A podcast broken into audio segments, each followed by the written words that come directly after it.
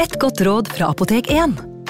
Nå er snart pollensesongen i gang, og et godt råd til deg som sliter med pollenallergi, er å begynne behandlingen i god tid før allergisesongen starter.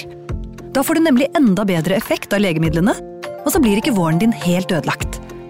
Kom innom og få råd på ditt nærmeste Apotek 1, eller chat med oss på apotek1.no. Apotek 1 vår kunnskap, din trygghet.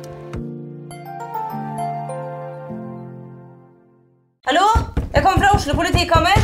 Ine Jansen er purk. Er du purk? The motherfucking bitch. Alt jeg vil, er å finne ut hva som skjedde med mannen min. Jon Carew. Er jeg sikta for noe? Iben Akeli. Det er du. Ole So, Lars Berrum og Big Daddy Karsten. Hvem sin side er du på, egentlig? Anette Hoff, Tone Danielsen, Kommer du fra Afrika? Jørnis Josef, Nesten. Kløfta. Trond Espen Seim, Det er synd å si det, men det var feil mann som døde. Purk. Premiere tirsdag på TV2 Play. Advarsel. I denne podkasten vil du høre historier basert på informasjon programlederne har funnet selv. Programlederne står ikke nødvendigvis inne for meninger og syn som fremstilles. Noen påstander kan avvike fra virkeligheten.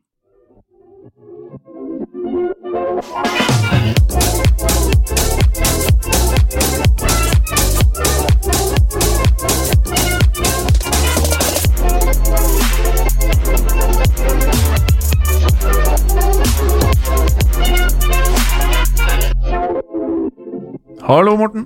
Hei, Velkommen skal du være til eh, dagens episode av eh, Historiepodden. takk det samme. Å ja, tusen takk. Og til dere lyttere òg, da, eller? Til lytterne også. Alltid en glede å ha det med oss. Å, det er så deilig. I dag så kan vi ikke bruke så lang tid på å introdusere oss, Nei. eh, for vi har en lang sak vi skal gjennom. Ja, kanskje den lengste vi har hatt noen gang her. Kan fort bli det. Vi skal snakke om en sekt. Ja, skal vi det, ja? Eller kult, om du vil. Kult. Ja. Jeg googla det. Jeg tror sekt er det mest brukte, men vi bruker eh, begge om hverandre. Vi bruker dem om hverandre. Ja, ja. Eh, og i sekter, Morten, der kan det skje ganske så mye spesielt, vil nå jeg si. Eh, I dag skal vi høre om ekstra mye spesielt i Mm. denne ekstra spesielle sekten. Eh, fordi vi skal ikke så veldig langt tilbake i tid. Dette her skjedde i 1978, så noen av lytterne våre kan kanskje huske ganske ekstensive avisoppslag om det vi skal prate om. Relativt dramatiske oppslag var det. Dette var um, en sekt som bedrev hjernevasking på høyt, høyt nivå. Vi skal uh, fortelle historien om en sekt som uh, endte med over 900 døde mennesker, inkludert små barn, uh, enten ved drap eller selvmord. Ja, så det er fair å si at eh, det kanskje ikke er den mest lystige historien, da, men jeg kan eh, love at for lytterne som ikke kjenner til dette, eller som kjenner til uh, innholdet i dagens episode, kommer til å synes det er meget spennende og mildt sagt sykt. Men uh, angående dette med lystig historie, det var en, uh, en lytter som sendte inn en slags var nesten som en bekymringsmelding. Oh ja, på Facebook for noen uker siden, hvor um, det nesten ble spurt om vi var riktig skrudd sammen, fordi uh, vi er jo veldig, eller virker i hvert fall, uh, gjennom denne podkasten, veldig opptatt av død og fordervelse. Ja, ja, er vi det? Jeg syns vi uh, har mye forskjellig, men uh, Ja, men det er mange som er daua i disse Eh, episodene våre. Jo da. Uh, men jeg, jeg, i hvert fall min forståelse av det er at de mest spennende historiene ender med drap eller skyting eller lignende. da. Uh, Temaet i dag det er uh, The People's Temple, en uh, kult som uh, begynte i USA, og som etter hvert bygde sin egen by, som ble kalt Jonestown. Og det er jo fra denne byen hendelsen har fått sitt navn, The Jonestown Massacre. Mm. Ja, og jeg vet ikke, har du hørt om en rapper som heter eh, Jim Jones? Det har jeg ikke, Nei. men hvis han har valgt det navnet som referanse til det her, så er den, er den en litt sånn shady type, tror jeg. Ja, for Jim Jones var jo da altså kult- eller sektlederen i denne historien. Mm. Og rappere, vet vi, er jo veldig glad i å ha navn som enten refererer til noe som er hardt, eller til noe som er tøffe, da. Og så liker de å se på seg selv som uh, sektledere med et cult following. Ja, gjør de det? Det visste jeg ikke. Han åpnet i hvert fall den ekte Jim Jones, åpnet sin første kirke på midten av 50-tallet i Indianapolis, til tross for at han verken hadde tittelen prest eller noen som helst teologisk utdannelse. Men det trenger man jo heller ikke. Ikke hvis det er sekt og vi prater om, da. Utover på 60-tallet ble kirken hans kjent for å være raseinkluderende. Er det riktig å si? Raseinkluderende? Det høres riktig ut. Ja, Noe som ble sett på som eh, veldig progressivt, i hvert fall på denne tiden. Ja, for da var det jo fortsatt mye segregering i USA, og The Civil Rights Act, som gjorde diskriminering ulovlig, den kom eh, i 1964. Men uh, segregeringa tok jo ikke slutt over natta av den grunn, og Jones var jo selv hvit, men eh, åpna kirken for eh, alle, noe som eh, slett ikke var en selvfølgelighet på den tiden. Det var det ikke. Snart begynte han å kalle kirkebevegelsen sin The People's Temple, og slo seg sammen med Disciples of Christ, som da var en avstikker av den protestantiske kirken, som omfattet flere grupper i USA og Canada. Der ble Jones etter hvert ganske så populær. På midten av 60-tallet så flytta Jim Jones og kona til California og åpna The People's Temple i et sted som heter Redwood Valley. Og du sa han hadde blitt populær, Jim. Faktisk så var det 100 mennesker som ble med for å slå seg ned sammen med han, og langt flere skulle det bli. Ja. Jones selv mente at det var best å flytte dit fordi det ville være tryggere om det skulle bryte ut en atomkrig. Så ble det 1970, og som vi vet i dag, så brøt det ikke ut noen atomkrig. Eh, Jim Jones skulle i 1972 eh, åpne tempel både i Los Angeles og i San Francisco. Og her ble det virkelig fart i sakene hans, for uh, Jones ble god venn med flere politikere i uh, Los Angeles. Uh, pressen likte han godt, og tusenvis av følgere strømma til. Uh, en stor andel av disse var uh, afroamerikanere. Vi nevnte jo at han hadde åpna kirken for alle tidligere, og han fikk da mange følgere fra minoriteter. Så hva var det han egentlig preket om, da, Morten? Hva var det han sa og gjorde som fikk alle til å like han så utrolig godt? Han ble jo som sagt ansett som eh, progressiv, svært progressiv til og med, og The People's Temple ga mange muligheter til mennesker som ofte ikke hadde noe særlig. Uh, forskjellige minoriteter som sagt ble inkludert og fikk delta i tempelets uh, programmer. Uh, programmer som besto av f.eks. å gi mat til pensjonister og ha undervisningsprogrammer for studenter, og Jones prekte om hvordan alle var like mye verdt, og at alle skulle ha like muligheter. Og disse aktivitetene People's Temple gjennomførte, virker som de matcha det han sa ganske bra.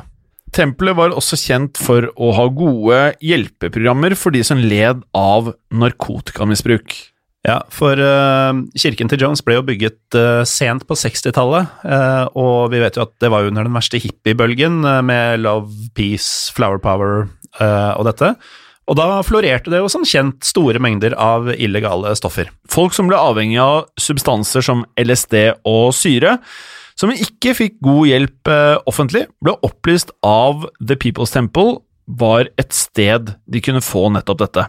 People's Temple kunne vise til mange suksesshistorier, ryktet spredte seg så veldig fort, og folk som trengte hjelp, flokket seg til kirken. Og det er jo tiltak eh, kirken hadde som, eh, som høres fine nok eh, ut. Det er jo egentlig vanskelig å tro at noe sånt som virker så positivt, skulle lede til det som til slutt skulle skje. Men allerede her så begynner vi å ane konturene av makten Jim Jones hadde over folk. Flere har fortalt at de etter å, etter å ha hørt prekenene hans, hadde en slags trang til å bli værende rundt han eller hos han, slik at de, og at de følte at de dermed kunne forandre verden til det bedre. Første halvdel da av 70-tallet eh, eh, gikk derfor ganske så bra for eh, Jim Jones. Så vidt jeg skjønner, så må han jo ha vært eh, utrolig karismatisk, sånn som du er, Morten. Eh, når han kunne manipulere folk eh, på den måten han gjorde. Som du er god til, Jim. Åh, oh, tusen takk. Det er hyggelig å få høre. ja. Eh, men, men, det var jo det han eh, holdt på med. Han eh, overbeviste følgerne sine om at de var en del av noe stort, og at han og hans humanitære kirke var det beste for menneskeheten. Intet mindre. Det beste for menneskeheten. Ja, selvfølgelig. Men når de først var inne, så var det ikke like pent som det virka på utsiden. Medlemmer av People's Temple ble ofte ydmyket foran andre medlemmer, og de kunne bli slått, og de kunne bli utsatt for utpressing. Mange av medlemmene var fra minoritetsgrupper, eh, som allerede hadde følt på det å bli mislikt av resten av samfunnet.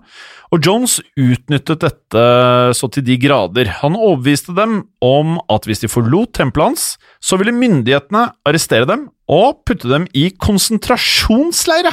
Han smørte tjukt på når han nører opp under Ja. frykten til folk. Og hvis man tror på dette, jeg skjønner at man ikke vil i en konsentrasjonsleir. Nei, det, det vil man jo ikke uansett hva man tror på. Nei. Um, og siden følgerne var overbevist om at uh, Jones han, eh, han visste det meste, han, så trodde de jo på han, og de tiltakene som kirken holdt på med, de var designa for å tiltrekke seg folk som var svakere stilte, og ga disse trygghet som de kanskje ikke hadde fra før, og når de først følte seg trygge inne i tempelet, da var det enkelt for Jones å manipulere dem. Med andre ord, dette var eh, store mengder hjernevasking involvert. da.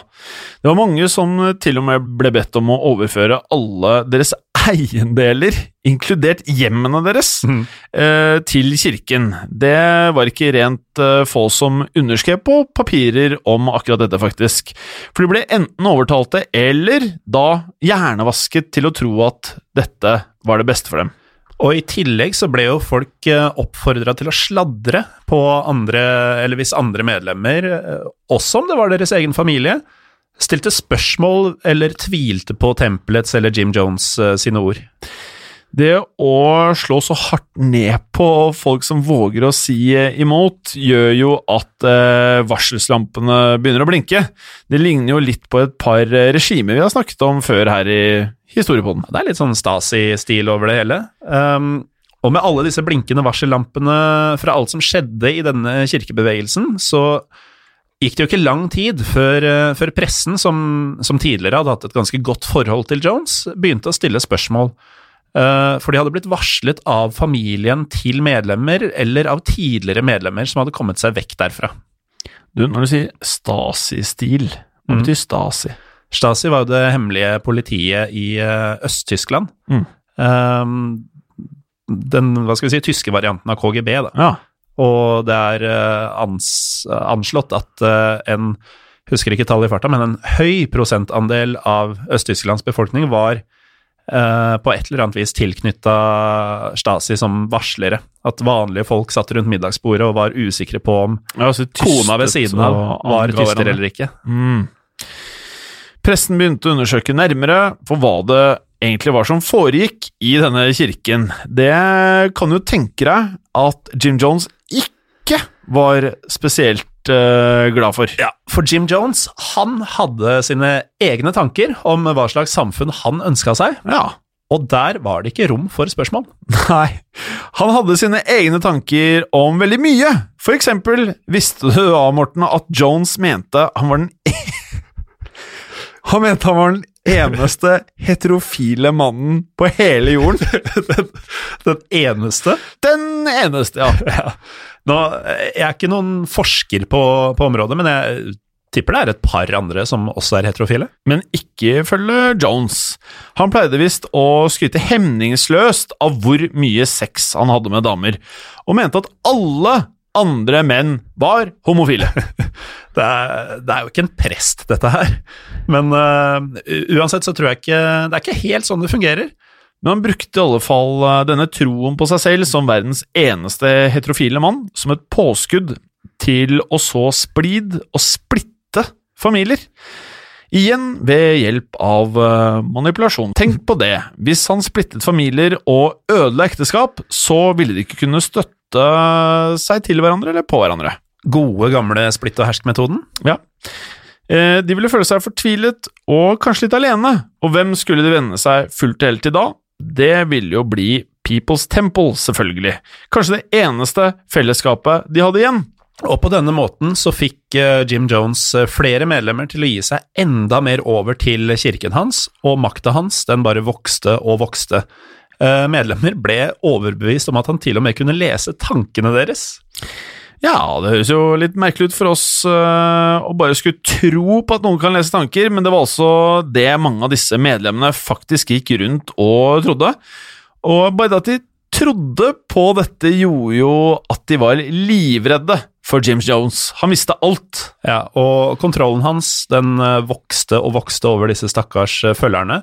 Hele tiden så fikk han dem til å selge hjemmene sine, til å underskrive dokumenter på at alt de tjente, nå skulle gå til People's Temple. Ja, De fleste følgerne hadde han kontroll på, men i 1977 begynte omverdenen å banke på Jim Jones sin dør.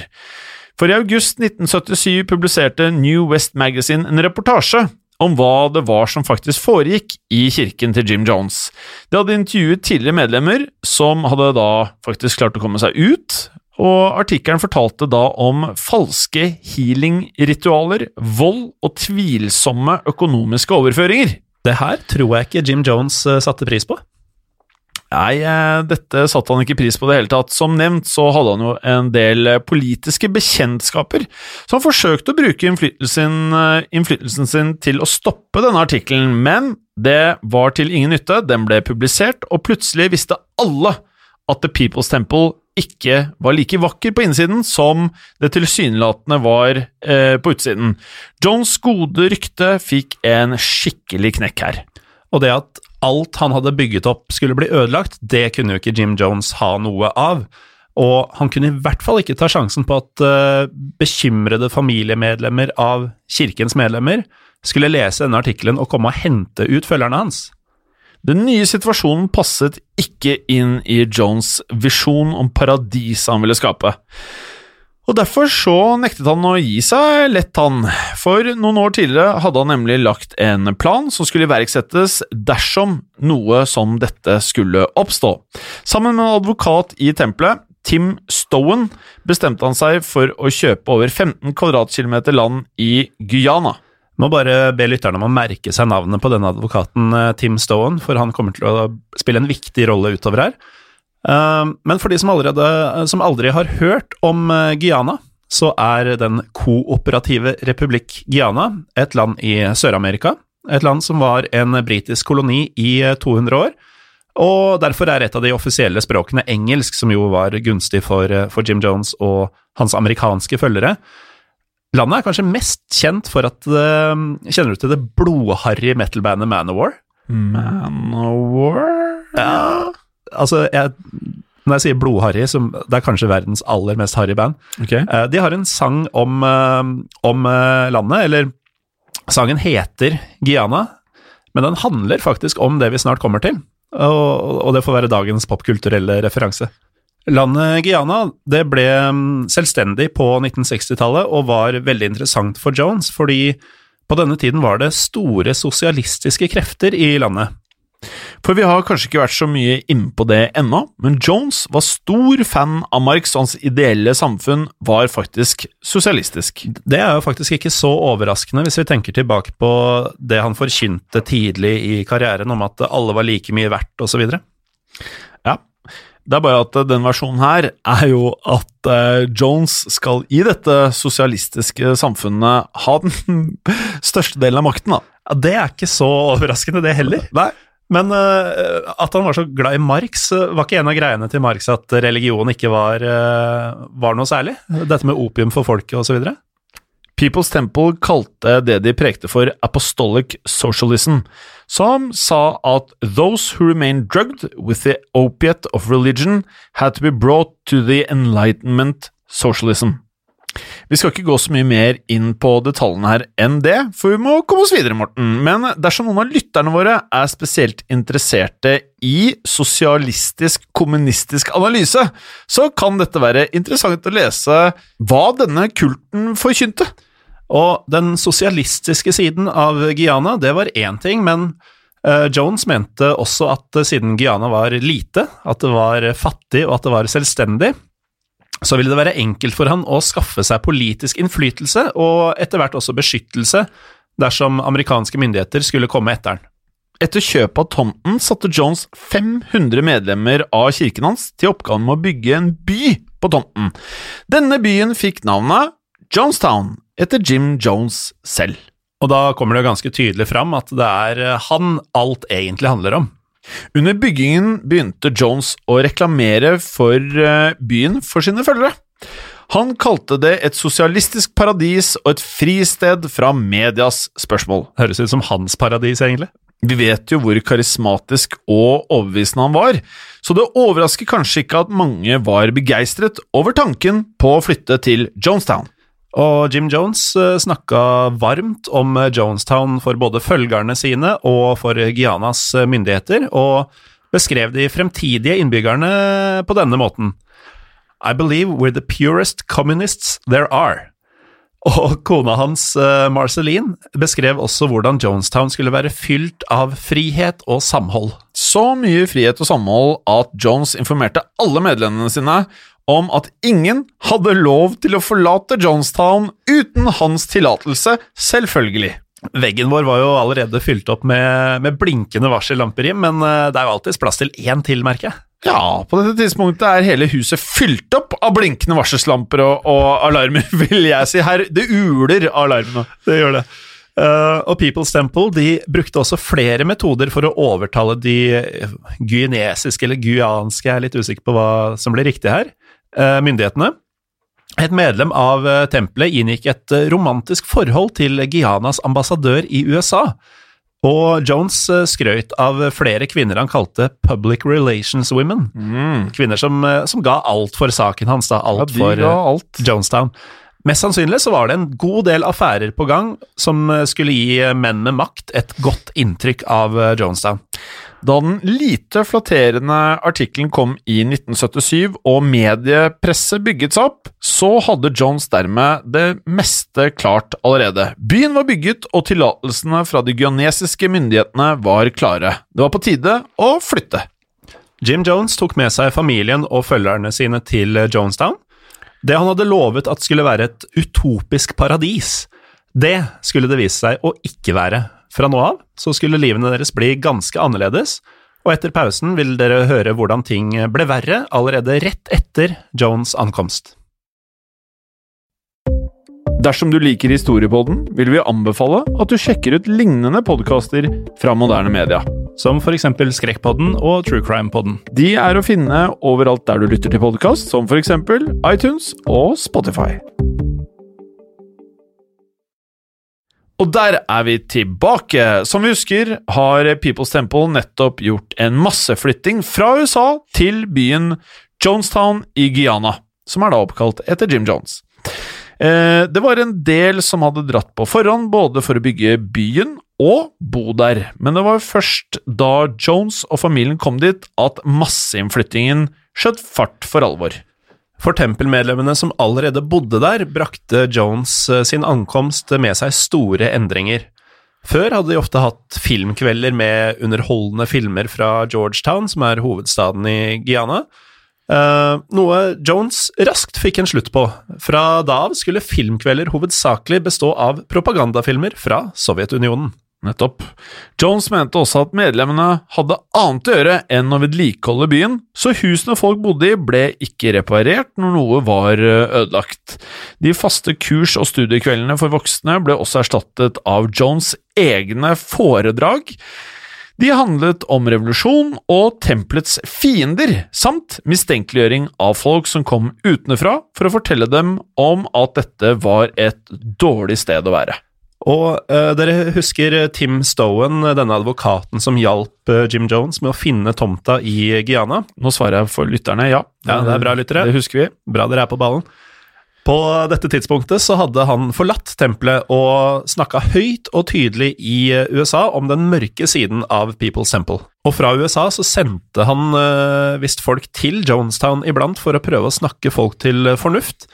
Men uh, Jim Jones sin mistenkeliggjøring hadde dessverre vært ganske effektiv. Og så kan man jo lure på, hva gjorde alle disse flere hundre medlemmene når de ikke så på propagandafilmer? Uh, for det meste så jobba de. En uh, av de overlevende han har beskrevet at de ble vekka klokka seks om morgenen til en frokost, svært næringsrik høres det ut som, bestående av ris, utvanna melk og lite grann brunt sukker for så å bli sendt ut på åkrene for å arbeide i denne tropiske jungelheten i over ti timer hver dag. Det høres litt heftig ut, Morten. Ja, det er ikke all verden, altså. For på ettermiddagen ville et uh, høyttalersystem over hele byen sende Jones versjon av nyhetene. Nå spisser det seg til. Ja, det er hardt, vet du. De var som regel dreid til å fortelle om Sovjets stormakt og konstant mistenkeliggjøring av utenforstående og kapitalister. Det var dette folk hørte på under middagen, som besto av uh, ris, saus og noen grønnsaker. I tillegg skal risen de dyrket på åkrene ikke ha vært av spesielt høy kvalitet. Men hvis noen klagde på at de fant mark og andre kryp i middagsrisen sin, da risikerte de å få offentlig juling. Det å klage på maten var nemlig forræderi, ifølge Jim Jones. Eh, For det var nødt til å bety at du egentlig jobba undercover for, for eh, CIA. Hvordan hang eh, dette sammen da, Morten? Jim Jones han var overbevist om at risens dårlige kvalitet det var CIAs forsøk på å sabotere dette store sosiopolitiske eksperimentet hans. Og dette gjorde jo folk redde for å kritisere noe som helst i dette paradiset til Jim Jones. En Jim Jones som var stadig mer paranoid, og som beordra sine følgere om å tyste på alle som kritiserte noe ved hans regime. Og her kommer det du nevnte med Stasi-regimet. For barn tystet på foreldrene sine, og mødre og fedre tystet på sine barn igjen. Jones holdt virkelig byen i et såkalt jerngrep. Etter den lange arbeidsdagen hadde alle flere timer med undervisning i forskjellige fag som russisk, sosialisme og nyhetsopplesning. Viktige fag når du bor i jungelen uh, ute i Guyana. Uh, Visstnok så sammenlignet Jones eh, systemet sitt med det nordkoreanske systemet, som uh, gikk ut på åtte timer arbeid, fulgt av åtte timer studie. Det overrasker meg egentlig ikke ut ifra det vi har gått gjennom, sånn at han er fan av Nord-Korea også. Det er ikke noe kjempesjokk. Tre ganger i uka holdt han det som het People's Forum, hvor han for det meste straffet ulydige følgere foran de andre. Noen ganger holdt de på til sent på natt, og så gikk alle hjem og fikk seg rundt tre timers søvn før de måtte starte å angripe en ny arbeidsdag. Det virker jo helt sjukt at folk gikk med på det her. Uh, altså, De ble jo hjernevaska, det vet vi jo, eller så var de rett og slett bare redde for følgene om de sa nei. Men uh, så må vi huske at mange hadde jo ikke noe utenfor uh, Jonestown. De var langt borte fra USA, de var i et land de ikke kjente. Og som vi var inne på tidligere, de kan ha vært overbevist om at amerikanske myndigheter var ute etter dem, fordi Jim Jones hadde jo indoktrinert dette at det er oss mot verden eh, over flere år. I tillegg så var det jo så mange som var glade i tempelet, som klappa og jubla for Jones og denne doktrinen hans, og dersom han gikk med tvilende tanker, da, så var det sikkert lett å tenke at det var deg selv det var noe galt med, når alle andre virka som de hadde det så bra. Og I tillegg til dette så har man også funnet brev i Jones uh, sitt hus som er adressert til far. Det var den rollen han ga seg selv for sine følgere, som en far man skulle skrive brev til. Disse brevene skulle være følgernes ærlige selvrefleksjoner, som betydde at de fortalte ham om alle deres svakheter. Dette gjorde at Jones kunne manipulere dem langt enklere. I brevene sto det også mye om det brennende hatet mange følte mot forræderne i California som hadde forlatt tempelet. I et av brevene sier en 89 år gammel dame at hun skulle likt å skyte dem alle, og at hun var så glad for å ha en far som Jones. Det er så mye hjernevask og så mye straff. Vi har nevnt denne volden som, eh, som mange ble utsatt for, men det er noen flere straffemetoder Jim Jones benytta seg av, som jeg syns vi skal eh, nevne. Eh, Hvis noen hadde utvist det som ble kalt dårlig disiplin, eh, noe som egentlig var alt som ikke var den ønskede oppførselen Jim Jones eh, så etter, så kunne man bli innestengt i en liten treboks. Eh, En boks som var 1,8 ganger 1,2, altså Der tror jeg kanskje ikke du hadde fått plass. Jeg hadde slitt veldig i denne boksen. Du Den, måtte den, krype sammen, for det er 205. ja, det, det hadde vært vondt. Og, og man ble der til man ble sluppet ut. Det kunne ta hvor lang tid som helst. Ja. Ulydige barn ble tvunget til å tilbringe natten i bunnen av en tom brønn, som ble kalt The Torture Hole. Og noen bestemte seg etter hvert for å rømme, eller de ønska i hvert fall å rømme, men det var ikke så enkelt, for eh, Jim Jones hadde jo satt ut patruljerende bevæpnede vakter langs bygrensa, og midt i byen så sto det et høyt vakttårn, eh, som hadde et litt sånn ekkelt navn, egentlig, Jim. Det ble nemlig kalt The playground, altså lekeplassen. Ja, og dette er jo da et uh, tårn med bevæpnede vakter i, uh, kanskje det siste jeg forbinder med en lekeplass. Uh, men dette tårnet det var malt i lyse, liksom glade, morsomme farger, og nederst så var det sklier som, som barn kunne leke på, og derfor ble tårnet kalt lekeplass. Det føles bare veldig feil, dette her. Ja. En lekeplass med våpen som skal hindre folk i å flykte. Ja, det Nei, jeg vet ikke, altså. Men hvis folk prøvde å flykte og ble tatt, så ble de sendt til det som ble kalt Extra Care Unit. Og det er litt usikkert hva som foregikk der inne, men noen vitner har eh, beskrevet at folk som kom ut derifra, var fullstendig neddopa. Og da de kom ut, så kunne de, de De var ikke i stand til å holde en samtale, og virka nesten som de hadde blitt lobotomert. Det var ikke et godt sted å være, dette her, og ryktene om hva som hadde skjedd der, fant veien ut. Jones ble mer og mer paranoid, og derfor begynte han og tempelet å organisere det de kalte White Nights, altså hvite netter. Jones talte stadig vekk til medlemmene om hvordan CIA og andre sikkerhetstjenester konspirerte om å ødelegge byen og torturere innbyggerne. Derfor hadde de iblant simulerte kriser, i anførselstegn, da, der medlemmene stemte over hva de skulle gjøre, og så øvde de på dette. Under minst to av disse hvite nettene skal de ha øvd på masseselvmord via gift! Og de visste ikke alltid at det var en øvelse, og et tidligere medlem eh, har beskrevet at ingen sa nei, alle gjorde det som de ble bedt om, selv om de, eh, som sagt, kunne ta gift på ordentlig uten å være klar over det. Mens dette foregikk, gikk eh, helsa til Jones nedover. Han begynte å misbruke diverse medisiner, fikk høyere blodtrykk, midlertidig blindhet, faktisk, spasmer og kronisk søvnløshet. Han fikk også beskjed i 1978 om at han muligens hadde en liten lungebetennelse også. Manipulerende for sympati som han var, så informerte han innbyggerne i Jonestown om at han hadde lungekreft, i stedet for å si at det faktisk da var en lungebetennelse. Det er jo ikke overraskende at han til og med brukte egen sykdom til å øke posisjonen sin, men uansett så var han eh, dårlig. Hans uh, tidligere skarpe, tydelige stemme den hadde begynt å bli mumlete og snøvlete, og noen ganger så klarte han ikke engang å avslutte setninger når han holdt disse talene sine over uh, høyttalersystemet. Det de ikke visste, var at det snart skulle skje noe som ville forandre byen for alltid. Dette noe var uh, noe som ble utløst av en mann som het Leo Ryan. Uh, en amerikansk kongressmann uh, som etter å ha hørt flere rykter om at mange i Jonestown var der mot sin vilje og ble mishandlet fysisk og psykisk, bestemte seg for å dra dit på et inspeksjonsbesøk. Så i 1978 så fløy han til Guyana med et team av reportere, en rådgiver, en representant for det guyanske informasjonsdepartementet og representanter for organisasjonen Concerned Relatives. Uh, man kan jo gjette seg til hva dette var. Det var uh, en gruppe av bekymrede slektninger av uh, tempelmedlemmene i Jonestown. den gruppen ble ledet av den tidligere nevnte Tim Stowen og kona hans, og de var også med på dette besøket. Da Ryans team kom frem til Guyana, fikk de beskjed fra Jones' utsendinger om at gruppen var uønsket i Jonestown. Men om morgenen 17. november så utsendingene seg nødt til å dra tilbake til Jones og informere om at Ryans team ikke brydde seg stort om de var ønsket eller ei. De skulle komme uansett. Noe motvillig slapp Jones dermed Ryan og tre andre inn denne gangen. Resten av gruppa fikk komme inn etter solnedgang.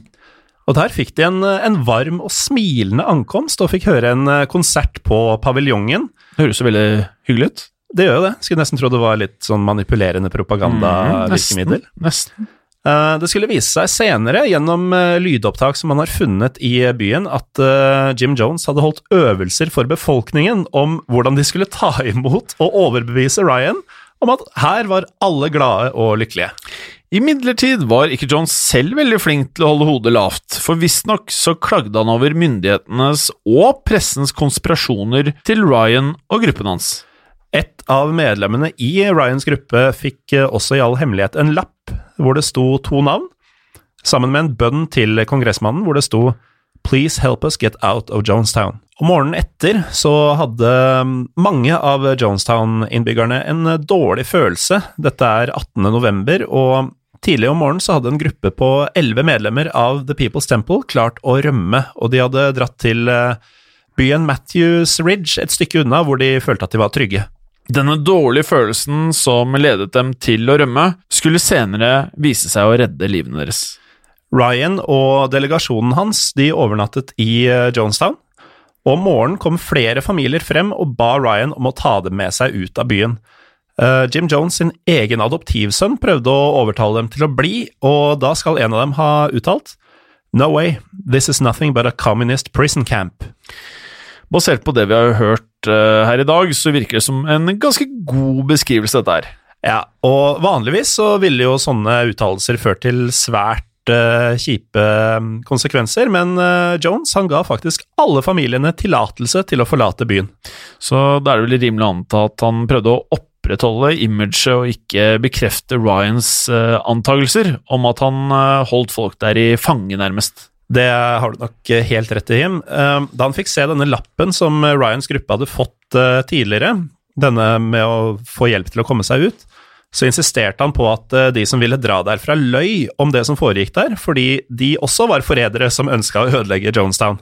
Etter dette bestemte Ryans gruppe seg for å ta med seg de som ville ut av Jonestown og tilbake til flystripen i Port Kaitoma. Derfra skulle de fly til Georgetown og så tilbake til USA. Alle gikk om bord i en lastebil, unntatt mannen fra de guyanske myndighetene, som ville være igjen litt til og da eventuelt hjelpe eventuelle andre som ville dra. Rett før lastebilen dro fra Johnstown, kom et til av tempelets medlemmer, Larry Laton. Han òg ville være med. Og det fikk han eh, lov til, men ettersom de skulle dra nå med flere enn de som kom, så måtte det bestilles et ekstra fly til eh, Georgetown. Uh, og på det første som tok av, var det seks mennesker. Idet det flyet kjørte ut på flystripa, begynte boardingen av det andre flyet, som hadde plass til resten av følget. Det andre flyet med den største gruppen skulle ende opp med å aldri ta av fra bakken. Jones, paranoid og maktgal som han var, kunne nemlig ikke ha noe av at kongressmannen tok med seg Jonestown-innbyggere. Under boardingen kom det en traktor. Den dro en henger, om bord på denne hengeren var medlemmer av tempelets egen sikkerhetsstyrke. Og da de var ni meter unna flyet, da åpnet de ild. Nå tar det ordentlig av her, og ni mennesker ble skada og fem drept i dette angrepet. Blant de drepte var kongressmannen Ryan, som ble skutt hele 20 ganger. Det virker som skulle, han skulle være død.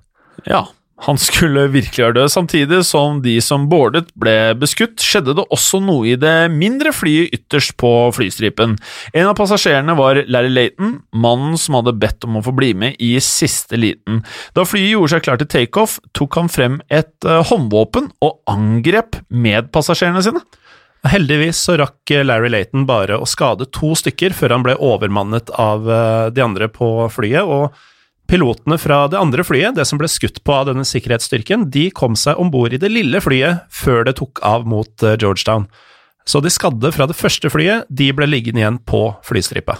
For mange var dessverre ikke flukten fra Jonestown eh, vellykket. Nei, og dødstallene de skulle snart eh, fyke til værs, ikke på flystripa, men tilbake i Jonestown. For Jones var ikke særlig glad over denne utviklingen, selvfølgelig. Rett etter at Ryan hadde dratt med avhopperne, sendte Jones kone Marceline ut en beskjed over høyttalerne. Hun sa at alt var i orden, og at alle måtte gå tilbake til hjemmene deres. Men alt var ikke i orden. Omtrent en halvtime senere sendte Jim Jones ut sin egen beskjed. Alle medlemmer skulle straks komme til paviljongen. Møtet som ble holdt på paviljongen, ble faktisk tatt opp på kassett. Lydklippet er 44 minutter langt og kalles The Death Tape. Og i det opptaket så kan vi høre Jones oppfordre til det han kaller revolusjonært selvmord, hvor han eh, også argumenterer for at de ikke kan la barna overleve, for da vil eh, de bli tatt og konvertert til fascismen. Senere i klippet kommer de som angrep flyene tilbake, og Jones erklærer til mengden. The Congressman is dead, og at The Red Brigade, som er det de kalte de bevæpnede vaktene sine, viste dem rettferdighet. Etter dette holdt flere medlemmer taler der de skrøt av Jones og hvor god ideen om at alle burde begå selvmord faktisk var. Vi tenkte nå å la dere få høre et lite utdrag av uh, Death Tape. If we can't live in peace, then let's die in peace. We've been so betrayed. We have been so terribly betrayed. Jeg skal innrømme at uh, det går ganske kaldt nedover ryggen på meg når, man, uh, når jeg hører det her. Hvordan selvmord virket som en så naturlig løsning for dem. Ja, det er helt ufattelig, egentlig, hvordan, hvordan alle var så fiendtlig innstilt til verden utenfor at eh, man velger døden, at døden virker bedre. Og etter alle disse talene om Jones uh, sin storhet, så skulle, skal vi kalle det seremonien, uh, begynne. Et rømt medlem fortalte at en dame som het Ruletta Paul og barnet hennes på bare ett år var de aller første som drakk giften. Giften ble blandet ut i noe som heter Flavor Aid, som er et slags uh, et saftpulver som, som, man blander ut med vann. Og Litt sånn Kool-Aid? Ja, og det skal vi komme tilbake til. Mm. Men uh, i denne safta så var det blanda ut uh, sterke beroligende midler og cyanid. Og cyanid det har vi vært borti i tidligere episoder, Jim. Men for de som ikke har fått med seg det, så er cyanid ekstremt giftig og rett og slett dødelig om man får det i seg. Flere og flere stilte seg i kø for å drikke giften, og etter de hadde drukket, ble de eskortert ut fra paviljongen. Likevel rakk de som ventet på tur å se giften begynne å virke. Det tok fem minutter for barn å dø, og mellom 20 og 30 minutter for voksne. Det syns jeg var merkelig lenge. Ja, det, Man skulle tro det fantes ting som uh, kunne ta knekken på folk langt kjappere. Jeg føler at når man ser uh, filmatiseringer av sånne ting, så er det uh, umiddelbart, nesten. Samtidig så husker vi Rasputin. Han har jo ingenting som bet på. Ja, Det var vel også cyanid, tror jeg. Ja. Han måtte få flere runder med cyanid. Han måtte drikke masse av vinen, og likevel så merka han ikke noe. Nei, Der måtte man jo uh, bruke enda kraftigere shits, men det kan jo folk høre i en egen episode som vi har laget om Rasputin. Den kan du høre i uh, første sesong av Historiebånden. Og så videre. Mens noen fortsatt gikk tafatt fram for å drikke giften, begynte andre å nøle. Jones måtte nå gå bort til flere og flere for å oppfordre dem til å drikke giften. Naturligvis så ble jo foreldre hysteriske når de så barna sine dø, for eh, Jones hadde ment at det var best at eh, barna alltid fikk giften først, fordi når foreldre så barna sine dø, hva hadde de da igjen å leve for? Det er alltid noe kalkulert med Jim Jones. Veldig kalkulert. Men en stor del av innbyggerne bare venta stille og rolig, og det rømte medlemmet Odell Rhodes han uh, har beskrevet det som om de var i en slags transe, og nå var det jo sånn at den store mengden var omringet av disse bevæpnede vaktene, som vi vet ikke er eh, redd for å skyte. Så for mange fortona det seg kanskje mer som om de kunne velge å dø av gift eller å bli skutt. Senere fant man en del lik med sprøytenåler i seg, som kan bety at de gjorde motstand og fikk giften sprøytet inn med tvang. Etter hvert som de fleste døde, ble også vaktene kalt inn for å ta giften, og Jones selv ble funnet i en sittende stilling i paviljongen, død av et selvpåført skudd. Han hadde rett og slett skutt seg selv i sittestilling. Og til sammen så døde 918 medlemmer av The People's Temple denne dagen. Og mange gikk da her helt frivillig inn i døden. I ettertid har det faktisk gitt opphav til et uttrykk, 'drinking the Kool-Aid'. Der har vi det. Der har vi det. Dette refererer til når en person eller en gruppe står så sterkt i en tro eller en oppfatning at de aldri stiller spørsmål eller reflekterer over det som blir fortalt. Og i um, dette tilfellet så var det altså ikke Kool-Aid, men Flavor Aid som de brukte? Jo, Kool-Aid er jo da bare et uh, merke da, av samme type produkt, altså saftpulver. Fordi Kool-Aid er mer kjent, så forvekslet folk merkene, og derfor blir det mange steder feilopplyst at de drakk Kool-Aid. Dette er viktig uh, distinksjon, Jim. Det er faktisk en uh, viktig sak, dette her. For uh, det gjorde jo noe med salget av uh, Kool-Aid, selvfølgelig etter Jonestown Massacre. Det kan jeg tenke meg. Når et begrep blir 'drinking the Kool-Aid', så er jo ikke det kanskje det beste for selskapet. Og på The Joe Rogan Experience, en av favorittpodkastene mine, så pratet de om hvor mye salget faktisk gikk ned etter dette. Det tok ikke lang tid før de 900 døde ble lagt merke til. Da reportere ble fløyet inn med helikoptre, bemerket en av dem at det fra luften så ut som en gedigen haug med dukker med klær i sterke og glade farger. De lå strødd utover Jonestown. Dessverre så var det ikke dukker, det var likene av over 900 mennesker som gikk i døden for Jim Jones' ideelle utopi. Men nå har det seg slik at det faktisk var medlemmer som eh, klarte seg. Som ikke drakk uh, Flavor Aid? Nei, en av dem var det rømte medlemmet Rhodes, som vi har snakket om. Han meldte seg frivillig til å hente et stetoskop uten at jeg er helt sikker på hva de trengte dette til under et rituelt selvmord. Han brukte altså dette påskuddet til å gå og gjemme seg under en bygning. En annen 79 år gammel mann som hørte dårlig, fikk rett og slett ikke med seg møteinnkallinga over høyttaleranlegget. Og da han litt uti dette kom og så hva som begynte å skje, så la han seg ned i en grøft og rett og slett spilte død. Ikke det verste tidspunktet å ha dårlig hørsel. En annen dame på 76 gjemte seg under sengen sin til alle var døde. I tillegg så var det et par andre som klarte å rømme inn i jungelen, så totalt var det 20 medlemmer som overlevde, i tillegg til Ryans gruppe. Og tre av disse de hadde fått uh, i oppdrag på forhånd å dra til den russiske ambassaden i Georgetown, hvor de hadde med seg en koffert full av penger. Det var over en halv million dollar i kontanter i den. I tillegg til at de hadde med seg brev som erklærte at alle tempelets verdier og eiendommer skulle etterlates til Sovjetunionens kommunistiske parti. Totalt skulle hele 7,3 millioner amerikanske dollar overføres til kommunistpartiet. 18. november var disse tre i Georgetown og leste brevene, og da de skjønte hva som var i ferd med å skje, så avbrøt de oppdraget for å dra tilbake til familiene sine. Dessverre kom de for sent til Jonestown for å redde dem. Tempelet hadde også et hovedkvarter i Georgetown. Over radioen fikk de i oppdrag å hevne seg på tempelets fiende og deretter ta sitt eget liv. En kvinne som het Sharon Amos låste seg derfor inne på badet med tre av sine barn. Hun tok livet av de to små barna på 10 og 11 med en kjøkkenkniv, før hun fikk sitt eldste barn på 21 til å ta livet av henne med kniven, for deretter seg selv. Vi sier dette ofte, men det er noe av det sjukeste jeg har hørt. Uh, 912 av de døde ble hentet av det amerikanske militæret for å gravlegges i USA. Husker dere Larry Laton? Ja, det kan jeg si på vegne av lytterne. Ja, Bra igjen, lyttere.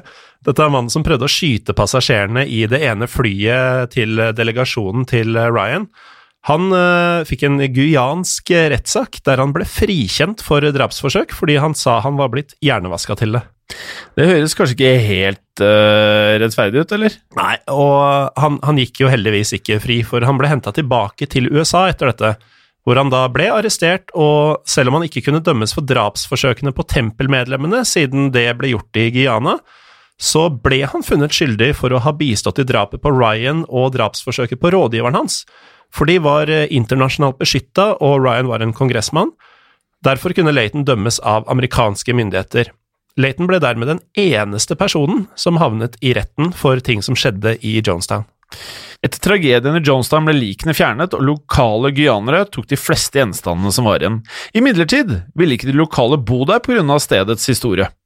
Guyanas myndigheter brukte noen av byggene i Jonestown til å huse flyktninger fra Laos en stund på 80-tallet.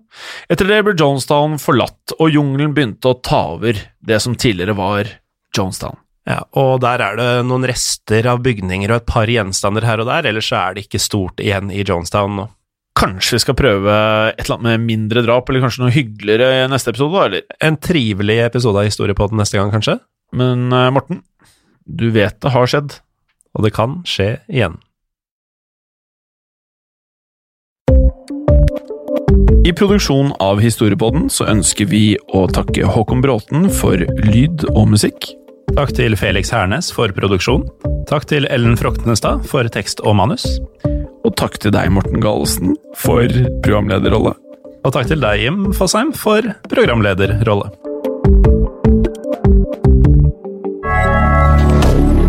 Moderne media. Har du et enkeltpersonforetak eller en liten bedrift? Da er du sikkert lei av å høre meg snakke om hvor enkelt det er med kvitteringer og bilag i fiken, så vi eh, gir oss her, vi. Fordi vi liker enkelt. Fiken superenkelt regnskap. Hei, og takk for at du lytter til Historiepodden.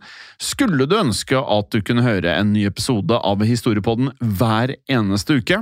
Vel, da er det én ting å gjøre. Da kan du laste ned podkastappen Untold med det samme. For i tillegg til ukentlige episoder av podkaster som Historiepodden Andre verdenskrig, Henrettelsespodden og også Gangsterpodden, så får du masse annet reklamefritt og også eksklusivt innhold. Last ned Untold i AppStore eller Google Play og start din 30 dagers gratis prøveperiode allerede i dag.